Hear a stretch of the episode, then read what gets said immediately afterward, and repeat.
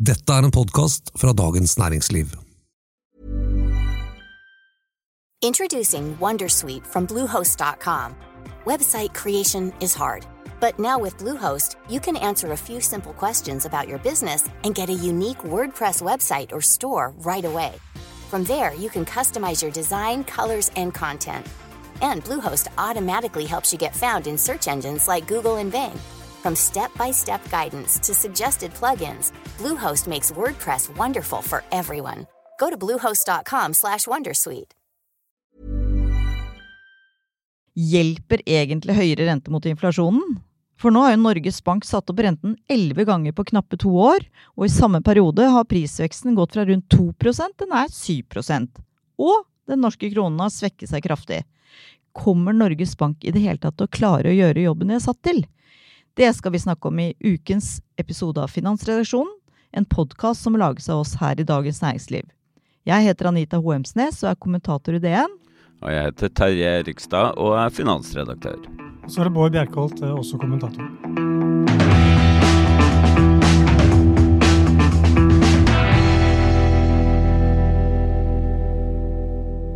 Altså jeg tenker at Norges Bank er tradisjonelt sett den institusjonen i Norge folk har mest tillit til.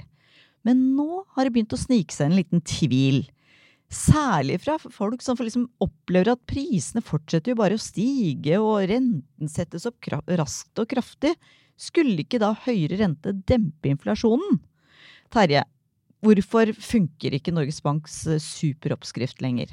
Ja, det er et godt spørsmål. Eh, hvis man ser på prognosene som Norges Bank har lagt frem, eh, de lager prognoser i hver pengepolitisk rapport. Hvert kvartal, på en måte? Nettopp. Fire ganger i året. Og så så jeg på hvordan, eh, hva slags prognose har de hatt for inflasjonen i 2023, altså dette året vi er inne i nå. Som du helt riktig påpekte, så ligger inflasjonen, både kjerneinflasjonen og den eh, som ekskluderer energi og avgifter, og den vanlige konsumprisindeksen nærmere 7% Så kan vi se tilbake. Hva, hva sa de liksom på slutten av 2021? Jo, da trodde de at inflasjonen i år skulle være på 1,5% og kjerneinflasjon på 2 mm. Og så har de da med hvert kvartal måttet oppjustere inflasjonen. Og nå tror de på 6% for snitt for året for, eh, for konsumprisindeksen og 6,3 for kjerneinflasjon. Eh, som jo er skyhøyt over målet på 2% Sånn at Norges Bank har vært bakpå, som det heter, hele tiden undervurdert inflasjonen, eh, og har fortsatt å gjøre det inn i 2023. Mm. Men, og det Ja, unnskyld, Terje. Fullfør. Nei, og så kan man si at eh, der er ikke den norske sentralbanken alene om å ha bommet. Det er jo det mønsteret vi har sett i egentlig i alle land i Europa og i USA. Kritikken mot Norges Bank begynner jo nå med, som melder seg veldig, særlig fra venstresiden, for nå blir jo folk fattige. Men Ida Wolden Bakke har jo hele tiden sagt at hvis vi ikke setter opp renten kraftig nå, så vil inflasjonen bite seg fast på et varig høyt nivå. Men har den ikke allerede gjort det? Skulle Norges Bank tatt det enda kraftigere, da? Fra starten, holdt jeg på å si? Um, eh, ja, det, det, er lettere å si dette i eh, etterpåklokskapens klare lys. Uh, Norges Bank var jo faktisk tidlig ute med å sette opp renten etter pandemien. Var blant de aller første mm. sentralbankene som, som forlot um, Eller som satte opp renten. Mm. Og så kan man si at ja, det var kanskje ikke så lurt å sette den ned uh, under pandemien. Uh, igjen, det var noe alle sentralbanker gjorde. Eh, men eh, det er vel ikke akkurat det læreboken sier at du skal gjøre når, når økonomien blir truffet av et, et såkalt tilbudssidesjokk, altså at evnen til å produsere varer og tjenester blir mindre. Uh, og så tror jeg man, grunnen til at man, da skal man jo egentlig eh, sette opp renten uh, om noe, og i hvert fall ikke sette den ned. Men så var man jo i tvil, selvfølgelig, på den tiden. Var det, var det tilbudssidesjokk? Var det et etterspørselssjokk? Eh, hvor langvarig ville en sånn nedtur kunne bli, og, og det var veldig uklart. Men, så, og den satte i hvert fall da ned men var raskt ute med å få den opp. Men så har den jo kommet så har jo sentralbanken kommet på, på etterskudd eh, fordi den trodde at den kunne ta i litt. eh, og så ta en pause med renteøkningen, og så, og så eh, har inflasjonen holdt seg høy. Ja, og det, det som da vi har sett, da, og som gjør at uh, inflasjonen er mye høyere enn målet. Det, omtrent alle sentralbanker har et mål om å holde den rundt 2 årsvekst. Da. Det er jo at den ene inflasjonen på en måte har blitt erstattet av den andre inflasjonen og den tredje. Altså Hvis du først sa at det handlet om forsyningsproblemer knyttet til pandemien, som dro opp en del kostnader betydelig, så fikk du et energisjokk som jo selvfølgelig man ikke kunne forutsi med sikkerhet pga. Altså Russlands invasjon av Ukraina. Og så får du eh, sprer den eh, prisøkningen seg inn til andre varer og tjenester. Så nå er det vel tjenesteprissjokk. Og så kom jo lønningene etter. Eh, at eh, Folk vil jo ha kompensert den eh, nedgangen de har fått i kjøpekraft. Så da får du et press opp på lønningene, og det kan da forsterke prisveksten videre. Så disse bølgene på en måte har gått den ene bølgen, den andre bølgen, den tredje bølgen og den fjerde bølgen. Og da eh, Ikke sant Man trodde vel at den første bølgen på en måte skulle være den uh, siste òg. Altså at når, når, verden åpnet igjen etter pandemien, så skulle ting roe seg ned, og vi skulle være tilbake til der vi var. Og man må, skal ikke undervurdere eh, si, Det er lett å si nå at vi burde ha tatt hardere i, men erfaringen til sentralbankene var jo at det var vanskelig å få opp inflasjonen. Altså, man var jo redd for en, stag, for en uh, stagflasjon Nei, ikke stagflasjon. Def, nei, man var redd for en resesjon, rett og slett. Ja. Også at det var man uh, Og en deflasjonssituasjon. Ja, men jeg tenkte på i forkant av pandemien. Ja. Da var det egentlig Da var jo, ikke sant, i den europeiske sentralbanken, den svenske sentralbanken og den danske sentralbanken kjørte jo med negative renter. Mm. Og i USA jo, holdt jo nullrente omtrent jeg vet ikke hvor mange år, uendelig mange. Og likevel ble det ikke inflasjon. Så sentralbankene eh, skjønner på en måte at de tenkte at ok, det er det normale. Og nå fikk vi et sjokk, og så skal vi tilbake til det normale. Det er ikke så rart, det, men vi må bare ta tak i én ting. For selv om da man tenker kanskje nå at rentene skulle få satt enda kraftigere opp av Norges Bank for å prøve å ta hull på den inflasjonen, Altså, man vet ikke om det hadde funka heller. Men så mener bl.a. LO at uh, det går altfor raskt, altfor høyt. Så når uh, Norges Bank satte opp renten med 0,5 prosentpoeng i forrige uke, så sa Peggy Hessen Følsvik, uh, LO-lederen, at det er ubegripelig at sentralbanken går så aggressivt til verks. Uh, Syns du det er ubegripelig? nei, nei. Nei, det er eh, når eh, sentralbanken har et mål om en prisvekst på, på 2 eh, og prisveksten er over tre ganger så høy, så, så, er det jo ikke ubegripelig at den setter opp renten. Eh, som, som, i og for seg historisk fortsatt er på et ganske lavt nivå. Altså den er, den er under 4 eh, ikke spesielt høy rente. Eh, jeg syns Jeg syns eh, LO har jo argumentert med at det på en måte ikke er nødvendig med renteøkninger. At, at uh, som Terje var inne på, at uh, man ser på dette med inflasjon som et som forbigående fenomen som, som, har mest å gjøre med prisøkninger ute, og lite med norsk økonomi å gjøre. At dessuten partene i arbeidslivet vil løse dette. Og, og ja, med lønnsdannelsen. Med lønnsdannelsen, at, at, at den ikke vil stikke av gårde så man får en såkalt lønnsprisspiral, hvor, hvor eh, folk krever høyere lønn, bedriftene øker sine priser tilsvarende, uh, osv. Men, uh, men, men er, jeg tror ikke det er så mange som uh, tror at det er en veldig god forklaring på Og spesielt det, det, kan ha vært et poeng i dette da, da Norge hadde fast valutakurs. Um, men nå ser vi jo at når valutakursen har svekket seg så mye, så fungerer jo det også som, som bensin på bålet. Da eh, kan jo ikke eksportindustrien som får eh, bedre, eh, eller eller får bedre lønnsomhet, greie å holde igjen på lønna. Quality sleep is essential for boosting energy, recovery, and well being. So, take your sleep to the next level with Sleep Number. With a Sleep Number smart bed, you can individualize your comfort level and enjoy a better sleep night after night. JD Power ranks Sleep Number number 1 in customer satisfaction with mattresses purchased in-store. And now the Queen Sleep Number C4 smart bed is only $1,599, a saving of $300 only for a limited time. For JD Power 2023 award information, visit jdpower.com/awards. Only at Sleep Number stores or sleepnumber.com. Introducing Wondersuite from Bluehost.com. Website creation is hard, but now with Bluehost, you can answer a few simple questions about your business and get a unique WordPress website or store right away. From there, you can customize your design, colors, and content. And Bluehost automatically helps you get found in search engines like Google and Bing. From step-by-step guidance to suggested plugins, Bluehost makes WordPress wonderful for everyone. Go to bluehost.com/wondersuite. Tired of ads barging into your favorite news podcasts? Good news. Ad-free listening is available on Amazon Music. For all the music plus top podcasts included with your Prime membership.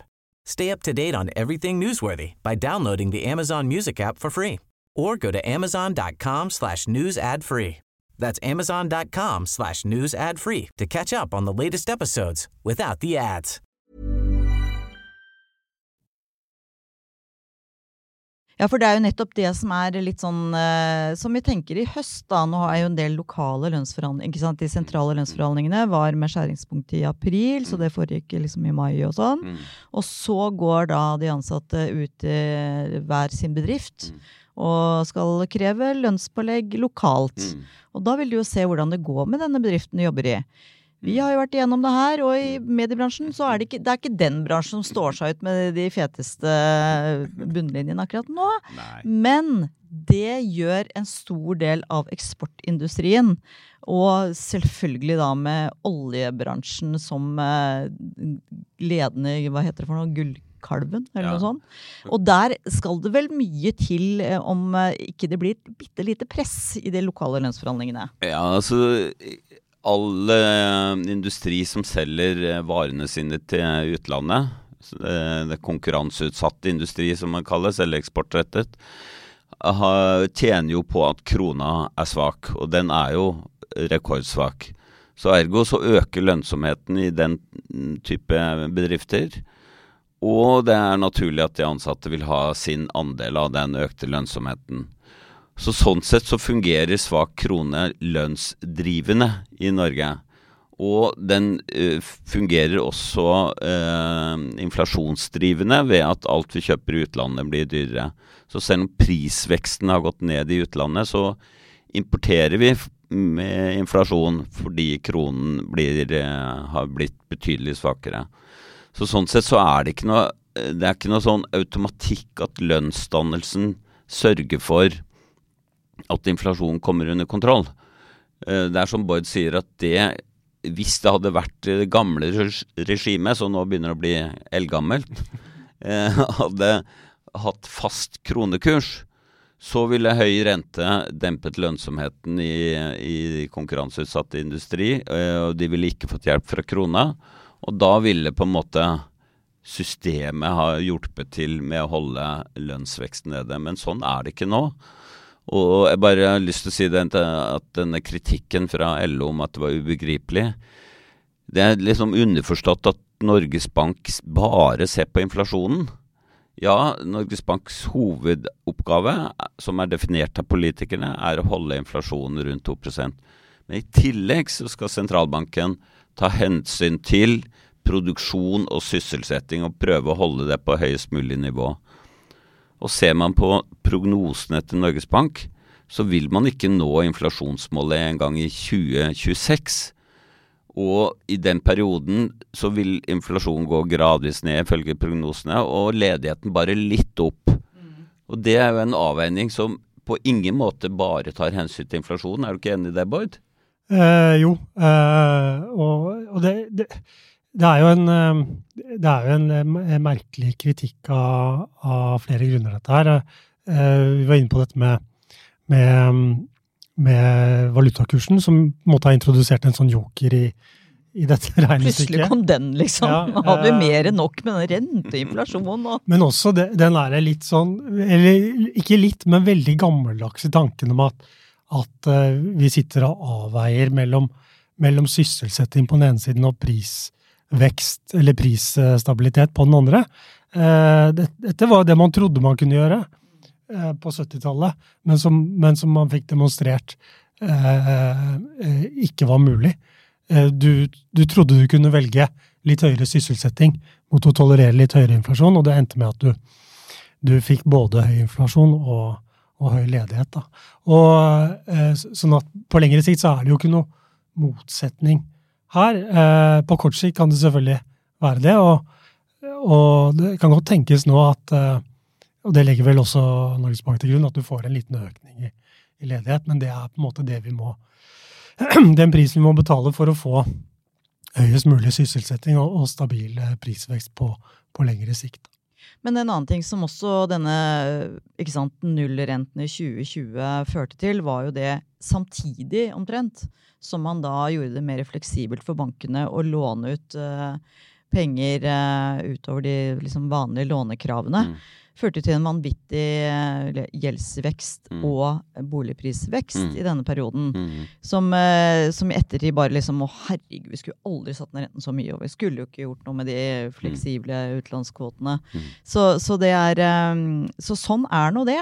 Sånn er Men det det. betyr at det er titusener av nordmenn som tok opp lån da i, i 2020 til en eh, boliglånsrente på 2 eh, og under det. Mm. Som nå opplever at eh, renten mot slutten av året vil være 5-6 Mm. Men det mener du egentlig at det bør de tåle, Bård?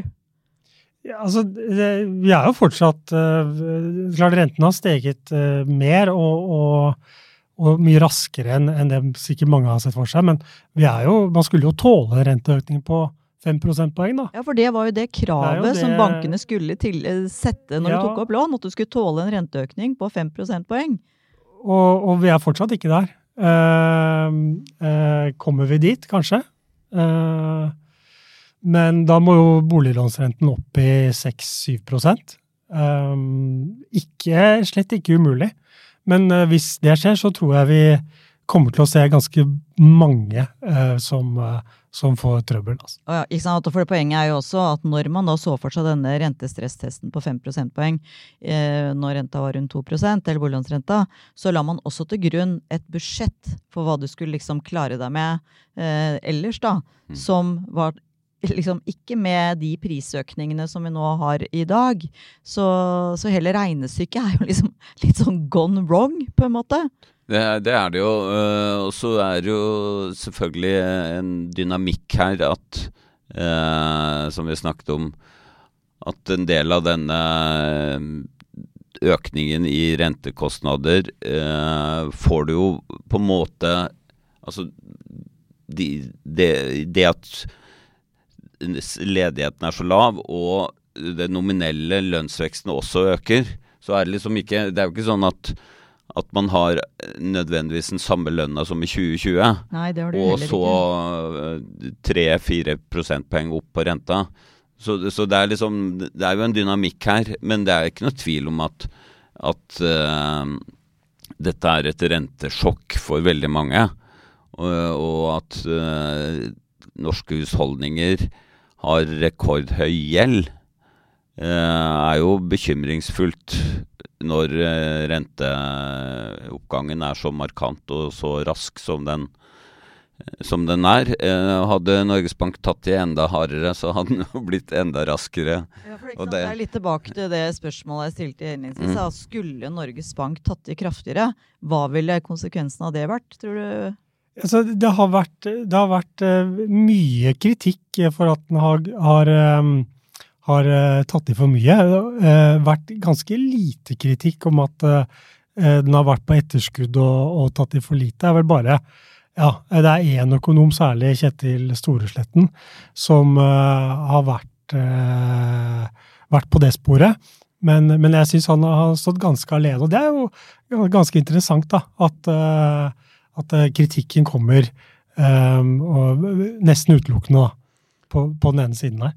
Og så er det, det er jo litt interessant å se på prognosene til Norges Bank også for boligpriser.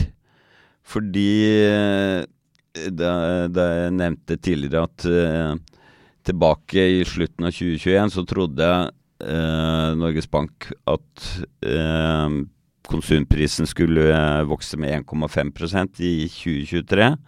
Og da så de for seg en styringsrente bare på 1,5% Og da skulle boligprisene bare øke med 0,7% Og nå, nå ser de jo for seg en snittrente i år på 3,5 Men hva, skal, hva skjer da med boligprisene? Jo, det skal øke med 0,3 Ok. Eh, for meg er dette litt sånn mystisk, hvor boligprisene ser ikke ut til å reagere liksom uansett. Og så kom det en, en, ny sånn boligbarometer fra NBBL, altså Boligbyggelagenes eh, landsforening. Hvor det var Det er riktignok tatt opp før eh, rentehoppet på 0,5 prosentpoeng eh, som Norges Bank kom med torsdag eh, sist uke. Men eh, der er det 63% av husholdningen som, som, venter at boligprisen skal være høyere om ett år. Selv om renta skal, også skal være høyere. Så det er, det er ganske interessant hvor, hvor sterkt boligmarkedet ser ut til å holde seg.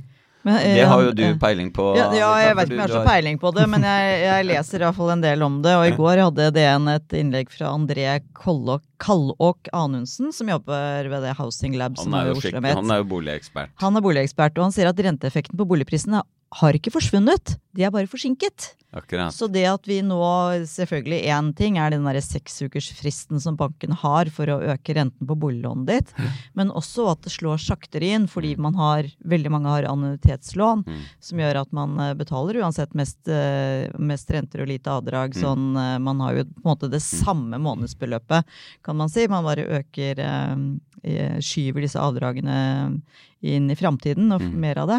Eh, så, så, han tror jo at boligprisene skal falle utover høsten. Mm. Så, og, men du blir jo bare helt matt av å høre alle disse prognosene og ekspertene.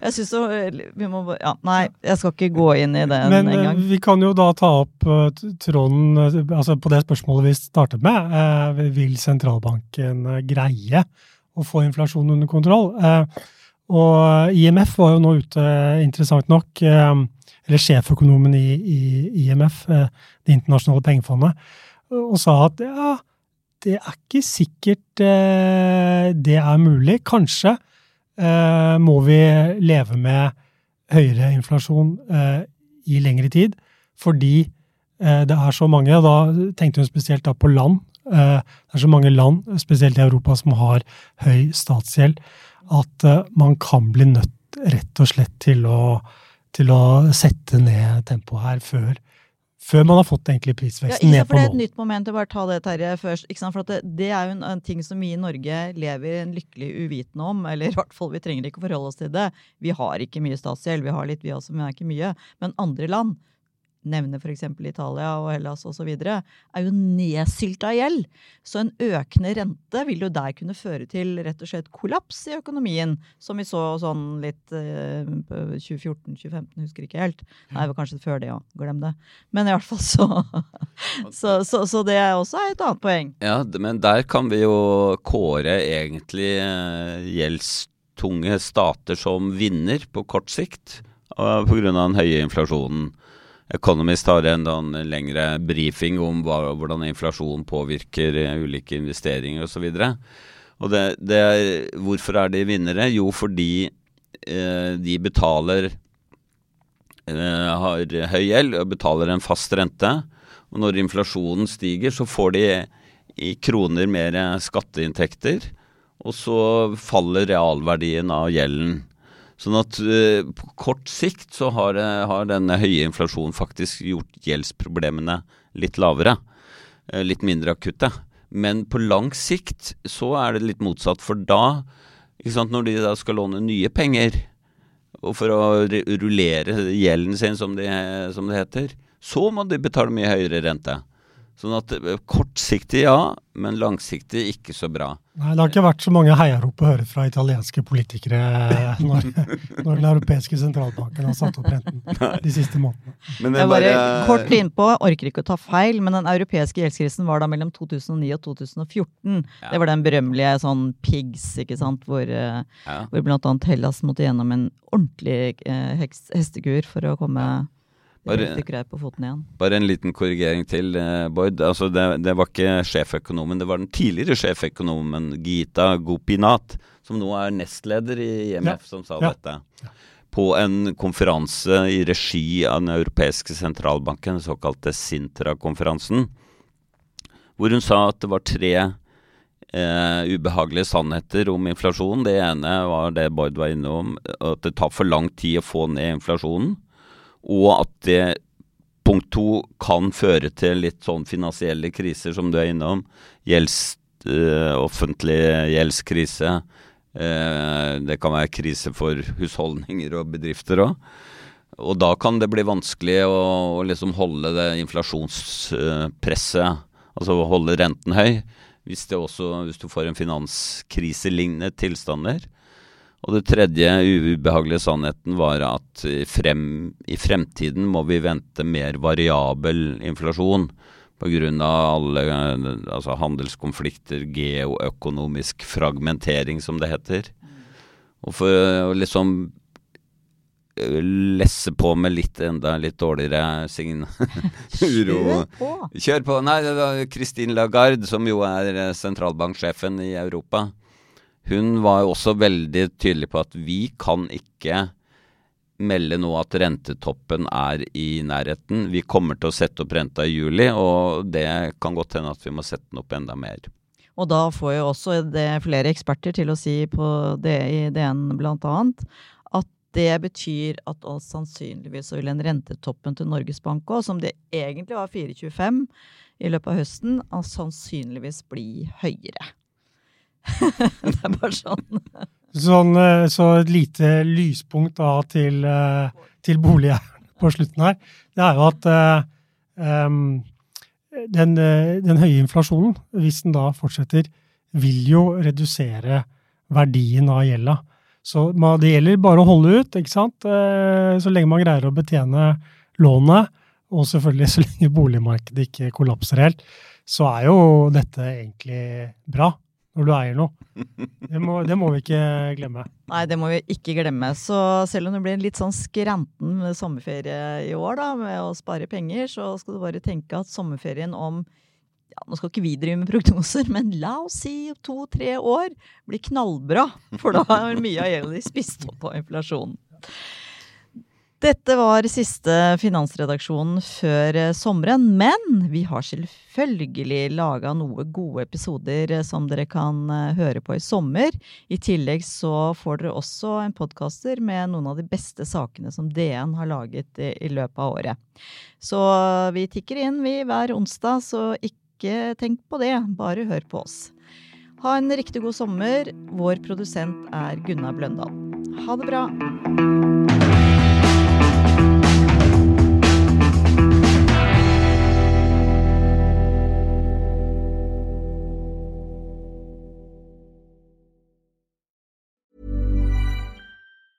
Tired of ads barging into your favorite news podcasts? Good news. Ad-free listening is available on Amazon Music for all the music plus top podcasts included with your Prime membership. Stay up to date on everything newsworthy by downloading the Amazon Music app for free or go to amazon.com slash news ad free. That's amazon.com slash news ad free to catch up on the latest episodes without the ads. Du har nå hørt en podcast fra Dagens Næringsliv.